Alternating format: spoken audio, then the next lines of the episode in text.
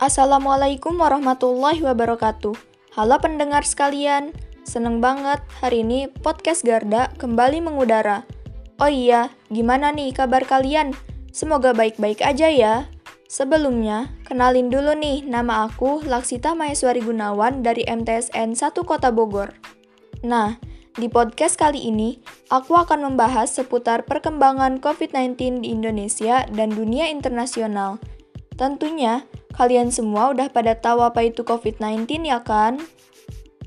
COVID-19 adalah penyakit menular yang disebabkan oleh virus corona. Virus ini dapat tersebar melalui droplet atau percikan air liur yang dihasilkan saat orang yang terinfeksi itu batuk, bersin, atau menghembuskan nafas. Penyebaran virus COVID-19 secara global masih meluas. Kasus COVID-19 terus bertambah dari hari ke hari.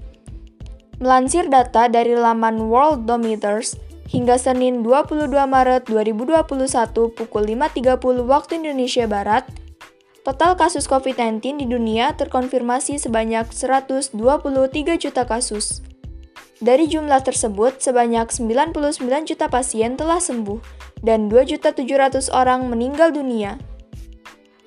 10 negara dengan jumlah kasus positif COVID-19 terbanyak di dunia adalah Amerika Serikat, Brazil, India, Rusia, Inggris, Prancis, Italia, Spanyol, Turki, dan Jerman.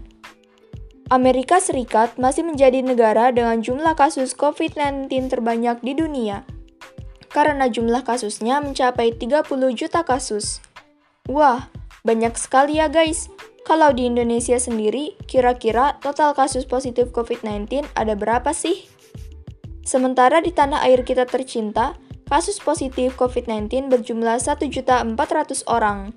Untuk kasus sembuh, terdapat penambahan sebanyak 6.000 orang, sehingga totalnya menjadi 1.200 orang. Sementara, pasien yang meninggal dunia karena infeksi COVID-19 ini juga bertambah sebanyak 103 orang. Maka, Jumlah pasien COVID-19 di Indonesia yang meninggal dunia kini menjadi 39.000 orang. Lalu, apakah kalian mau kasus COVID-19 semakin meluas? Eits, tenang saja guys. Ada beberapa cara yang bisa kita lakukan untuk menekan penyebaran kasus COVID-19 di dunia.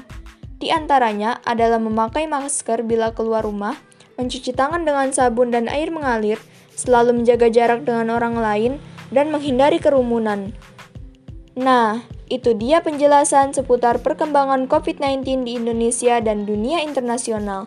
Ayo kita sama-sama menekan angka perkembangan COVID-19. Semangat terus ya guys, dan jangan lupa jaga kesehatan.